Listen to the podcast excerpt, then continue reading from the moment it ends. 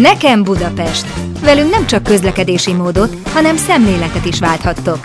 Ez a podcast Budapest lüktető közösségi vagy egyéni közlekedéséről, annak innovatív megoldásairól mesél. Közlekedők. Ez a műsor nektek és rólatok szól. Egy ikonikus tér a város közepén, Budapest egyik legforgalmasabb közterülete. Több száz évvel ezelőtt itt ágazott el a Kerepes felé vezető útból a keresztúrra tartó út. Innen indult a kőbányai gőzvasút, aztán a 19. század végén megépült a Nagykörút, a Népszínház, 1920-ban pedig az egyébként a tér sarkán állóházban lakó színésznőről, a nemzet csalogányáról lett elnevezve. Bár manapság a tér a főváros egyik legforgalmasabb helye, és naponta több százezeren érintik, a kettes metró építése, a Rákóczi út kiszélesítése és a korábbi Népszínház, későbbi Nemzeti Színház lebontása bizony nyomot hagyott a renoméján. Nap mint nap érintettük, de ha választani lehetett, akkor inkább csak a kényszer szülte így. Bár néhány éve még a tér felett szórakoztunk, hajnalban pedig a patkán ülve lángos tettünk, valahogy mégsem lett a szívünk csöcske. Talán ez most megváltozhat, talán meg is változik, hiszen az elmúlt másfél évben új külsőt és új belsőt, talán nem túlzás azt mondani, hogy új szerepet kapott mai adásunk főszereplője, a Blaha tér, vagy ahogy mindenki hívja, a Blaha. Hello, jó napot mindenkinek! Ez a Nekem Budapest, a BKK podcastja. Én Hermosi Pos Dávid Günther vagyok. Mai beszélgető társaim pedig Horváth László, a BKK beruházási igazgatója, Csomor Bence, a BKK és egyben a Blaha tér megújításának projektvezetője, illetve Király Gábor, a Strabak területi igazgatója. Na hát ugye azt mondtam az előbb, hogy új szerepet kaphat a Blaha tér, Igazából ez megvalósul, meg fog valósulni az elkövetkezendő időszakban? Mire számítotok ezzel kapcsolatban? Hát ez már meg is valósult. Tehát ahogy arra járunk, a téren azt láthatjuk, hogy az oda tett utcabútorokat az emberek használják, leülnek, átsétálnak a téren, átközlekednek, megállnak. Tehát igazából gyakorlatilag már most, még ebben a hideg időben is el tudtuk érni azt, vagy elérte a tér felújítása azt, hogy újra egy köztérként tud működni. A korábbiakban ugye nem is beszélhettünk gyakorlatilag köztérről, inkább csak egy átszállóhelyről és egy park parkolóról. Egy kereszteződés volt a, egy, egy a város közepén. volt a Rákóczi út és a, a Nagykörútnak a keresztezése. Valóban nagyon forgalmas helyszín volt, de ahogy te is mondtad, hát az ember lehajtott fejjel átment rajta. Igen, sietett a dolgára. Ugye utoljára a kettes metró építésekor újították fel a Blahát. Mi az, ami megváltozott az azóta eltelt időben? Miben változott a koncepció? Mi volt a cél most a mostani Blahával? A felújítás célja, hogy egy köztér létre tudjon jönni. Újra. Na de mitől lesz köztér a köztér? Így van, tehát az átmenő szerv vízút korábban több részre szakította magát a teret. Két parkoló foglalta el a helyet. Növény telepítése, ültetései nem nagyon volt mód. Nem voltak, vagy nagyon rossz minőségűek voltak az utcabútorok. Talán ezek a legfontosabb elemek, illetve hát jelentős zöldítésre szorult a terület, és ez meg is történt. Ez egy régóta tervezett projekt volt, mert hogy úgy ott égtelenkedett a város közepén a Blahalújzatér. Mennyi időnek kellett eltelnie, hogy a projekt megvalósulhasson? És most nem onnan számítjuk, hogy megtörtént az első kapavágás, mióta volt volt már tervben a Blaha tér átépítése és újra gondolása? Hát ebbe akkor bajba is vagyok, mert többféle elképzelés volt, amit a BKK és a fővárosi önkormányzat megkezdett, és most befejeztünk, az talán 2017-ben kötött először forrásszerződést a BKK, és 2018-ban kezdődött meg a tervezése. 2018. július 12-én azt hiszem volt a szerződésnek a tervezési szerződés aláírása, úgyhogy talán kezdhetjük innen. Akkor született egyfajta terv, ami később megváltozott. Miért volt volt szükség erre a változtatásra? Hát akkor ne tagadjuk el, 2019 őszén választások voltak. Ezt nem tudjuk el, ez új, így volt. Egy tehát, új felhatalmazással, egy picit eltérő választási programmal nyert gyakorlatilag a jelenleg a fővárost vezető főpolgármester, illetve a közgyűlés, és az ő választási programjuknak nagyon fontos alappillére volt a zöldítés. Úgyhogy még több fát kellett tervezzünk a térre az ő utasításaik alapján, illetve valamivel takarékosabbra is vettük a beruházást azzal, hogy például egy becsült költségen is áfával munkával mindennel együtt egy 7-800 millió forint értékű épületet építettünk volna, ez lekerült a programból, illetve talán még nagyon fontos, hogy a korábbi tervek ellehetetlenítették a későbbi villamosfejlesztési lehetőségeket, így például a Népszínház utcából kivezető villamosvágányoknak az útjában állt volna. A következő évtizedekben, hogyha erre lehetőség nyílik, illetve forrás lesz rá, mind a Rákóczi úton, mind a Népszínház utcából kivezető villamosra van lehetőség megépíteni. Természetesen mindig lett volna volna lehetőség, tehát bármit el lehet bontani, és bármit új el lehet építeni. Ezen tervek alapján azért jóval egyszerűbb lesz ezt megvalósítani. Na mi az, ami megvalósult most az elmúlt időszakban? Csomor Bencét kérdezem. Milyen lett a Blaha és mik voltak az új tervben? Először is köszöntök mindenkit, én is. Tehát miben is módosult a régi térhez képest ez a felújítás? Ugye megszűnt a két nagy parkoló, amit Laci is említett. Ez egy 70-80 fős parkoló volt, emiatt már ugye nem lehetett egy köztér szerepe ennek a, a, a térnek. Nagyon fontos volt, hogy több fát ültessünk el, akadálymentesíteni is szerettük volna az egész felszínt, ez megvalósult a három gyalogátkelővel. Átadtunk kettőt még a tavasz folyamán, és egyet pedig 2022. szeptemberében, tehát onnantól kezdődően teljesen akadálymentes a felszín, aki nem a metróba megy le, nem a metró a célpont, az igazából az aluljárót ezzel ki is tudja likvidálni. Fogalmazzuk úgy, igen, hogy az nem a város legkellemesebb helye volt, az a Blaha aluljáró, meg mindenféle rémtörténetek keringtek azért róla, és akkor most ezt így ki tudjuk gyakorlatilag hagyni az útvonalból és a felszínen, gyakorlatilag a Nagykörút és a Rákóczi út minden irányból átjárhatóvá vált. Igen, tehát ezzel ez megvalósult. Ugye elültettünk a régi tervekhez képest jóval több fát, egészen pontosan 80 darab új fa került elültetésre a téren, emellett megmaradt a régen, ha jól emlékszem, 18 darab volt, abból 9 darab, ami, ami megmaradó fa volt. Ami még fontos volt, hogy magát a Nemzeti Színháznak a, a, az emlékét megtestesítsük a téren. A elhelyezett székeknek a színe, illetve az asztaloknak a színe az emlékeztet a régi nemzetinek a bársony függönyére, illetve a régi nemzetinek a székeire. Így a nézőtéri székekre, így, így mind formájában egyébként, mind, mind pedig színében emlékeztet erre.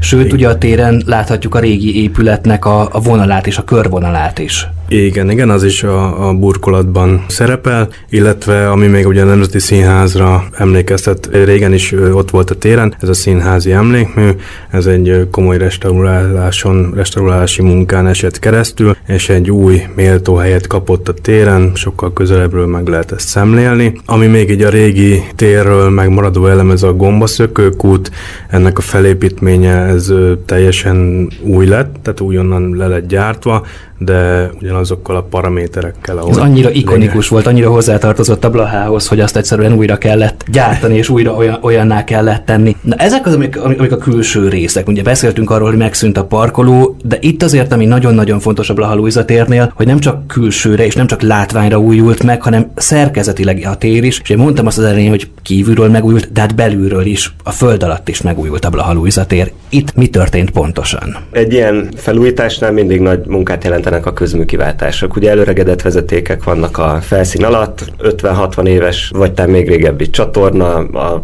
nagykörúti villamost megtápláló egyenáramú kábel csorda, ami azért nem is tudom, hogy beférne a keresztmetszetébe ebbe a szobába. Tehát igazából... hogy így, hogy így... Hát 27 darab ilyen alkarvastagságú, uh-huh. alkarvastagságú kábel, amiben megy a, ugye az egyenáram a föld alatt a 4-es 6-os villamos megtáplálásához. És akkor ez is ott ment keresztül a Blahán. Így van, és meg még tovább a Somogyi Béla utcába is ebből azt hiszem 17 a trollihoz. Nem is akarom mindet felsorolni, csak arra szeretnék utalni, hogy amit a felszínen látunk, az szép és tényleg azt teszi szerethetővé és használhatóvá, és a város működéséhez pedig elengedhetetlen eszközök, dolgok pedig a föld alatt vannak, ezeknek nagy részét ugye ilyenkor ki kell cserélni. Na én itt most nem csak erre a felszín alatti részre értettem, hanem magának a területnek a felszín alatti részére, arra gondolva, hogy itt azért egy ligetes területté válik majd ugye a Blahalújzatér az elkövetkezendő években. Decemberben volt ugye a megnyitó az átadója a Blahalújzatérnek, sokan ugye felvetették azt, hogy miért nem ligetes már most a Blahalújzatér tér, hát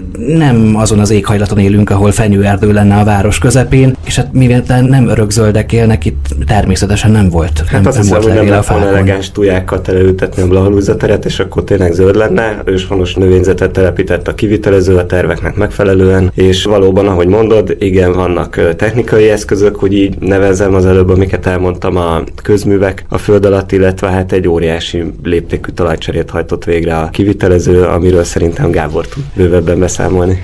Mi ez a különleges talajcsere? Visszautalnék arra, hogy itt állt hogy a Nemzeti Színház, amit természetesen ez nem lepett meg senkit, hogy itt fogunk ismeretlen létesítményeket találni a térszín alatt, de pontosan nem tudtuk, hogy mit, és a tér elbontása során hát azt láttuk, hogy gyakorlatilag ott van az egész pincerendszer betömve a tér alatt. Tehát ők feltöltötték a Feltöltötték, nem, bont, nem bontották el a pincerendszert, hanem elbontották a felszínen lévő létesítményeket, és bele letúrták a törmeléket gyakorlatilag. Mi ezt találtuk meg, tehát kezünkbe foghattuk ismét a Kincseket színház. nem találtatok. Kincseket nem találtunk, téglát találtunk. Csak tégla. és épületdíszítés törmeléket gyakorlatilag, hmm. tehát ez egy, ez egy nagy sithalom volt, amit mi onnan kiástunk, hát és ez nem egy ideális környezet a növények telepítésére, tehát így ezért született az a döntés, hogy jelentős mértékben ki kell cserélni az ott fellelt altalajt, amit hát átszőttek a közművek, hogy László is említette, tehát ezt úgy kell elképzelni, mint a test és benne az erek, és itt a test az gyakorlatilag a törmelékből állt, amire hát döntés született, hogy hát ennek innen mennie kell, és ez nem egy olyan egyszerű kérdés azért kihámozni a közművek közül. Mennyire volt nehéz? Igen, pont ezt akartam kérdezni, mert hogy ha csak sima föld lenne, akkor azt úgy el tudnám képzelni, hogy persze biztos vannak valami térképek vagy tervek, és akkor á, itt lássunk, itt akkor kitermelünk két köbméter földet, aztán ott lesznek a kábelek. Ehhez képest nem ez történt. Hát nem ez történt, mert itt a tér alatt ott van az összes kiszolgáló közmű maradványa is a színháznak, tehát gyakorlatilag ügyelve a meglévő és üzemelő közművek üzembiztonságára kellett ezt a talajcserét végrehajtani, hát ami mindenhol azt jelenti, hogy vigyázva a kábelekre, a vezetékekre, tehát ez egy nem, nem egy nagy tömegű gépi feladat, ezért ez időigényes, és hát ez egy különös hozzáértést tesz szükségessé. Voltak-e meglepetések a tér felújítása közben? Voltak, ugye, akár amit Laci is mondott például ezt a nagy BKV-nek a kábel csordáját, amit végül úgy döntöttünk, hogy kicseréljük jelen felújítás keretében. Természetesen ez, ez növelte a felújításnak a költségét, de a bontási munkálatok után szemrevételeztük azt, hogy ezek sokkal rosszabb állapotban vannak, mint vártuk, és pár év múlva ezt mindenféleképpen ki kell cserélni. Ugye ez a 4-es 6 ahogy Laci is mondta, 4-es 6 a ellátását biztosítja, azt meg nem engedheti meg Budapest, hogy leálljon a, a villamos, egy ilyen forgalmas villamos közlekedés, ezért most idézőjelben mondhatni, hogy praktikus is volt, föl volt bontva a tér, és akkor esünk neki a földkábel cserének is. Emellett meg ugye ez is a talajcseréhez visszanyúlóan, ugye ez fontos megemlíteni, hogy itt egy Stockholm felültetési rendszert alkalmaztunk, pont azért is, amit Gábor is említett, mert a színháznak a, a bontási munkálatait követően a sit meg a pincerendszer az ott maradt. És mi ez a Stockholm felültetési módszer? Na mondjuk el, hogy mi Ezt ez. meséljétek el nekem. Lapra szerelve jönnek a fák, vagy, vagy, vagy, vagy mi ez? Nem az IK-ból vesszük. Úgy képzeld el, hogy ilyen ökölnagyságú kövek kerülnek be a talajba, ezek biztosítják a teherbírást. Ugye a legnagyobb probléma a városi növénytelepítéseknél az az, hogy tömörödik nagyon erőteljesen az altalaj, és a gyökerek így nem tudnak fejlődni, illetve nem jutnak elég vízhez. A Stockholm módszer ezt küszöböli ki. Van egy kőváz tulajdonképpen ezekből az ökölnagyságú kövekből, és ezek közé, tehát a rések közé viszont viszonylag laza marad az a táptalaj, amit ilyenkor bemosnak a kivitelezők. Tehát felhordásra kerül egy különlegesen sűrített, most nem megyek bele nagyon a részletekbe, de egy, egy sűrített táptalaj, amit aztán slaggal bemosnak a résekbe. Mint a és akkor rétegenként, igen, és akkor rétegenként ez így fölépül. A burkolat terheit teljes mértékben elviseli ez a kőváz, és a növények gyökérzete pedig tud a kövek közötti résekben, ahol pedig a lazább szerkezetű táptalaj van, tápanyaghoz, vízhez jutni, illetve ugye könnyebben tud sokkal fejlődni. Tehát ez egy nagyon gyors és egészséges fejlődést biztosít a fáknak. Ennek a kivitelezése az mennyire volt nagy kihívás? Visszautalnék arra, amit az előzőekben mondtam, hogy ez a tér átszőtt közművekkel, tehát sehol nem lehet nagy tömegű gépi munkát végezni, mindenhol nagy óvatossággal kell ezeket megközelíteni, hogy a meglévő közműveket ne tegyük tönkre. A meglévő... Gyakorlatilag olyan, mint egy műtét, amikor így, így Hát helyenként, helyenként, olyan, helyenként olyan, nagyon aprólékosan kell helyenként dolgozni. aprólékosan kell, igen. Nyilván vannak olyan részek, ahol ez kevésbé érintett, ott lehet lendületesebben, de hát a, a lendületességnél mindig vigyázni kell, mert abból könnyen lehet probléma, ha valami felszíre kerül, meglévő közműként. Tehát igen, ez egy, ez egy időigényes, szép pipere feladat a nagy tömegű gépi munkához képest. És ugye a Stockholm módszernek a telepítése vagy kiépítése, ez mennyire volt nagy nehézség? Hát ez jelentette gyakorlatilag a nehézségét, hogy ezt egy városi környezetben kellett megvalósítani, nyilván ide is lett kitalálva, tehát ez maga a nehézsége, a szépsége, és maga ez a célja is, hogy hosszú távon életteret adjon a növényeknek,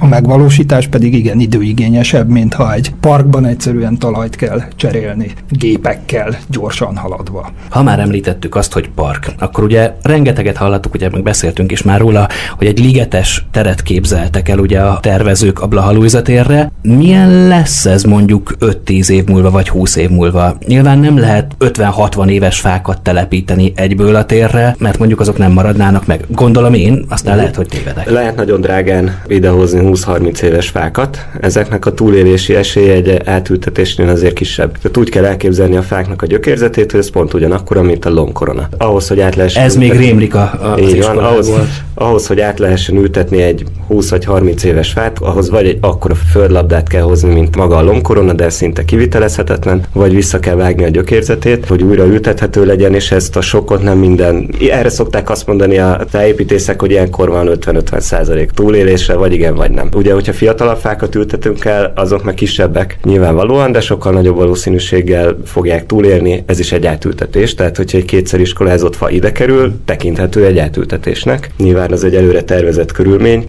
között történik megfelelő előkészítése, de ugye ennek megfelelően nem 20-30 éves fákat, hanem kisebbeket hoztunk ide. Milyen lesz 10-15 év múlva, a kisebb fák nagyobbak lesznek, és télen nem lesz rajtuk lomkorona, mint ahogy most sincs, télen nem lesz zöld, tavasszal viszont gyönyörű szép zöld lesz virágokkal, és nem csak ugye a fákról, hanem arról a cserje kiültetésről is talán érdemes beszélni, amik a nagy növénykazettákban lesznek, mert azok is nagyon szépek. Ugye több ilyen növénykazetta van, aminek a szélére le lehet ülni. Hogy Igen. néz ki pontosan ez, Bence? Ugye három darab növénykazettáról beszélünk, van méretébe is három különböző szélére le lehet ülni, ahogy említetted is, illetve ezeknek a szélén helyeztünk, vagy hát a kivitelező helyezett miniszobor kompozíciókat. Na, mit kell tudni ezekről a szobrokról, amik ott vannak? Ezek a szobrok, ezek a régi Nemzeti Színház jelentős szerepeit, szereplőit testesíti meg, mutatja meg, híres szerepeket. Ezekről a szobrokról majd egy ilyen kisebb tájékoztatót fogunk látni, szerintem egy pár héten belül meg fog valósulni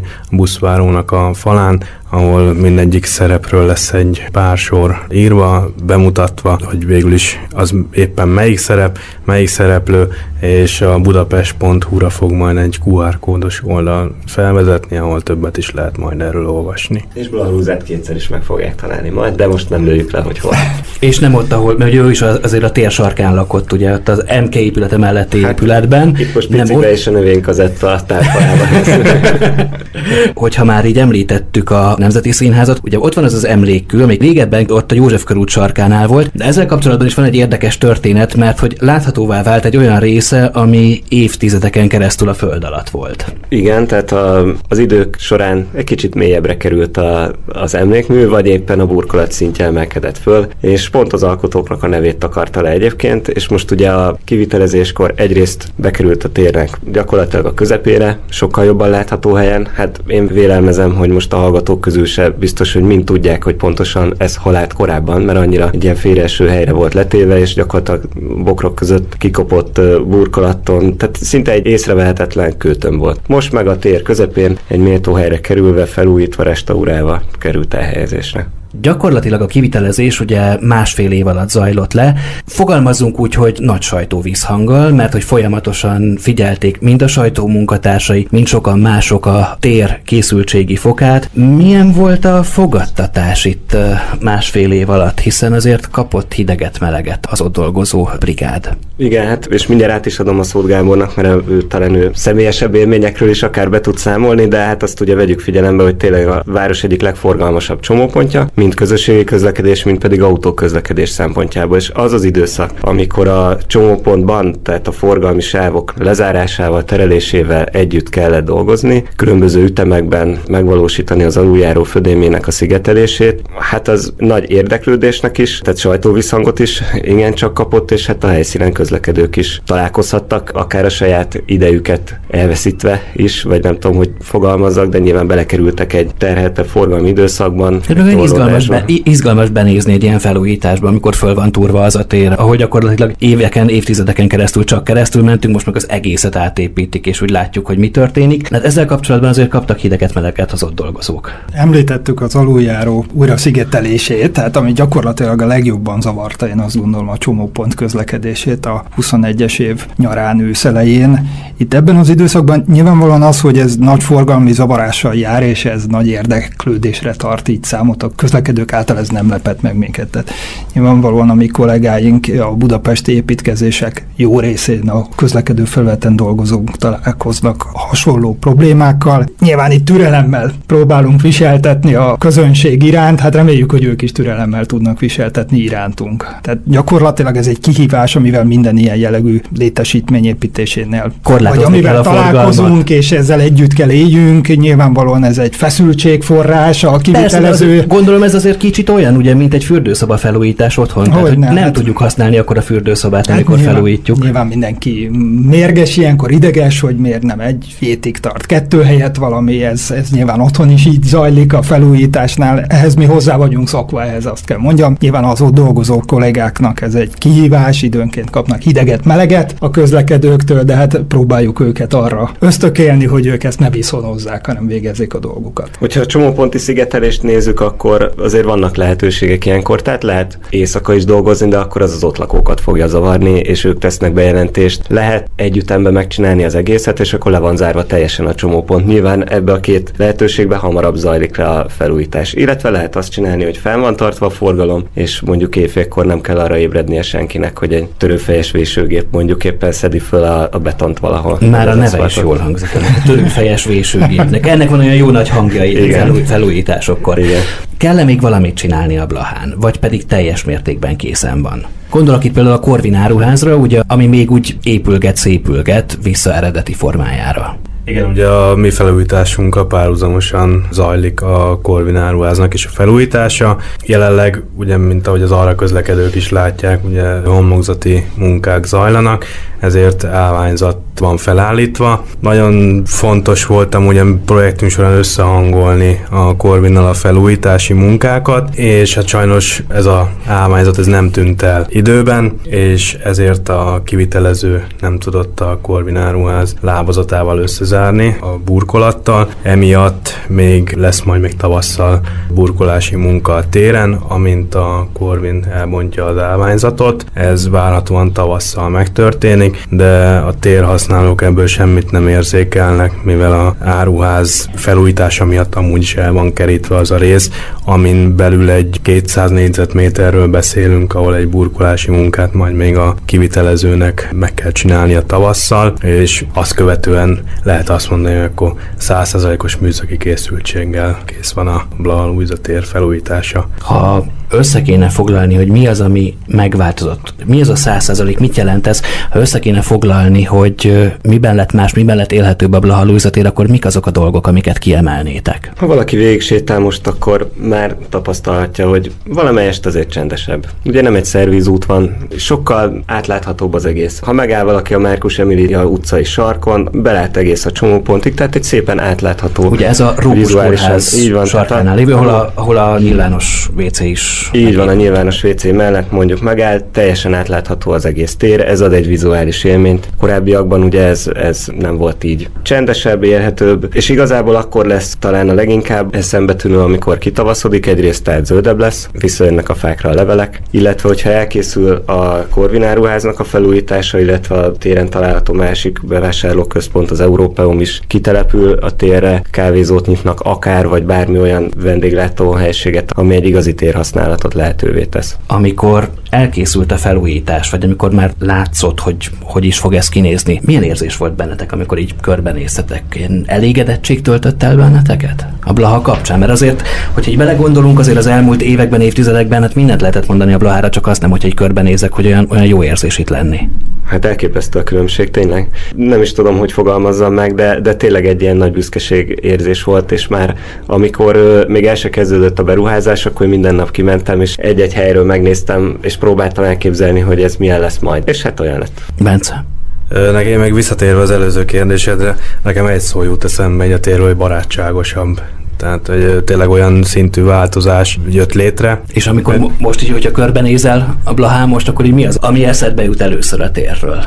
Hát a sok munka elsőre, a, a hosszú esték miatt, ne viccet félretéve. Az a, az a munka folyamat, amikor ránézek, elhaladok mellette, átsétálok rajta, hogy ezt, hogy ezt mit csináltuk. És ez egy, ahogy Laci is mondta, ez egy olyan büszkeség, amit, amit az ember majd még biztos, hogy fog mesélni, akár unokáknak, vagy jó esetben dédunokáknak. És jó kimenni tényleg a térre, jó átsétálni rajta, jó megállni egy kicsit, akár csak meginni egy bármit leülni. És ugye ebben majd fog segíteni a kitelepülések is, amit Laci is említett, majd Korvin áruháznak, illetve az Európeumnak. Nekem ilyen szívmelengető kicsit. Tehát tényleg nekem, nekem ez az egy szó, amit az előbb is mondtam, ez, hogy barátságosabb. Én, én itt nőttem föl Pesten, belvárosba jártam iskolába, illetve szórakozni, és én mindig elkerültem a Blahát, mert tényleg a, olyan nem tudom, lepusztult volt, olyan emberek is voltak ott, most pedig úgy szeretek arra elmenni,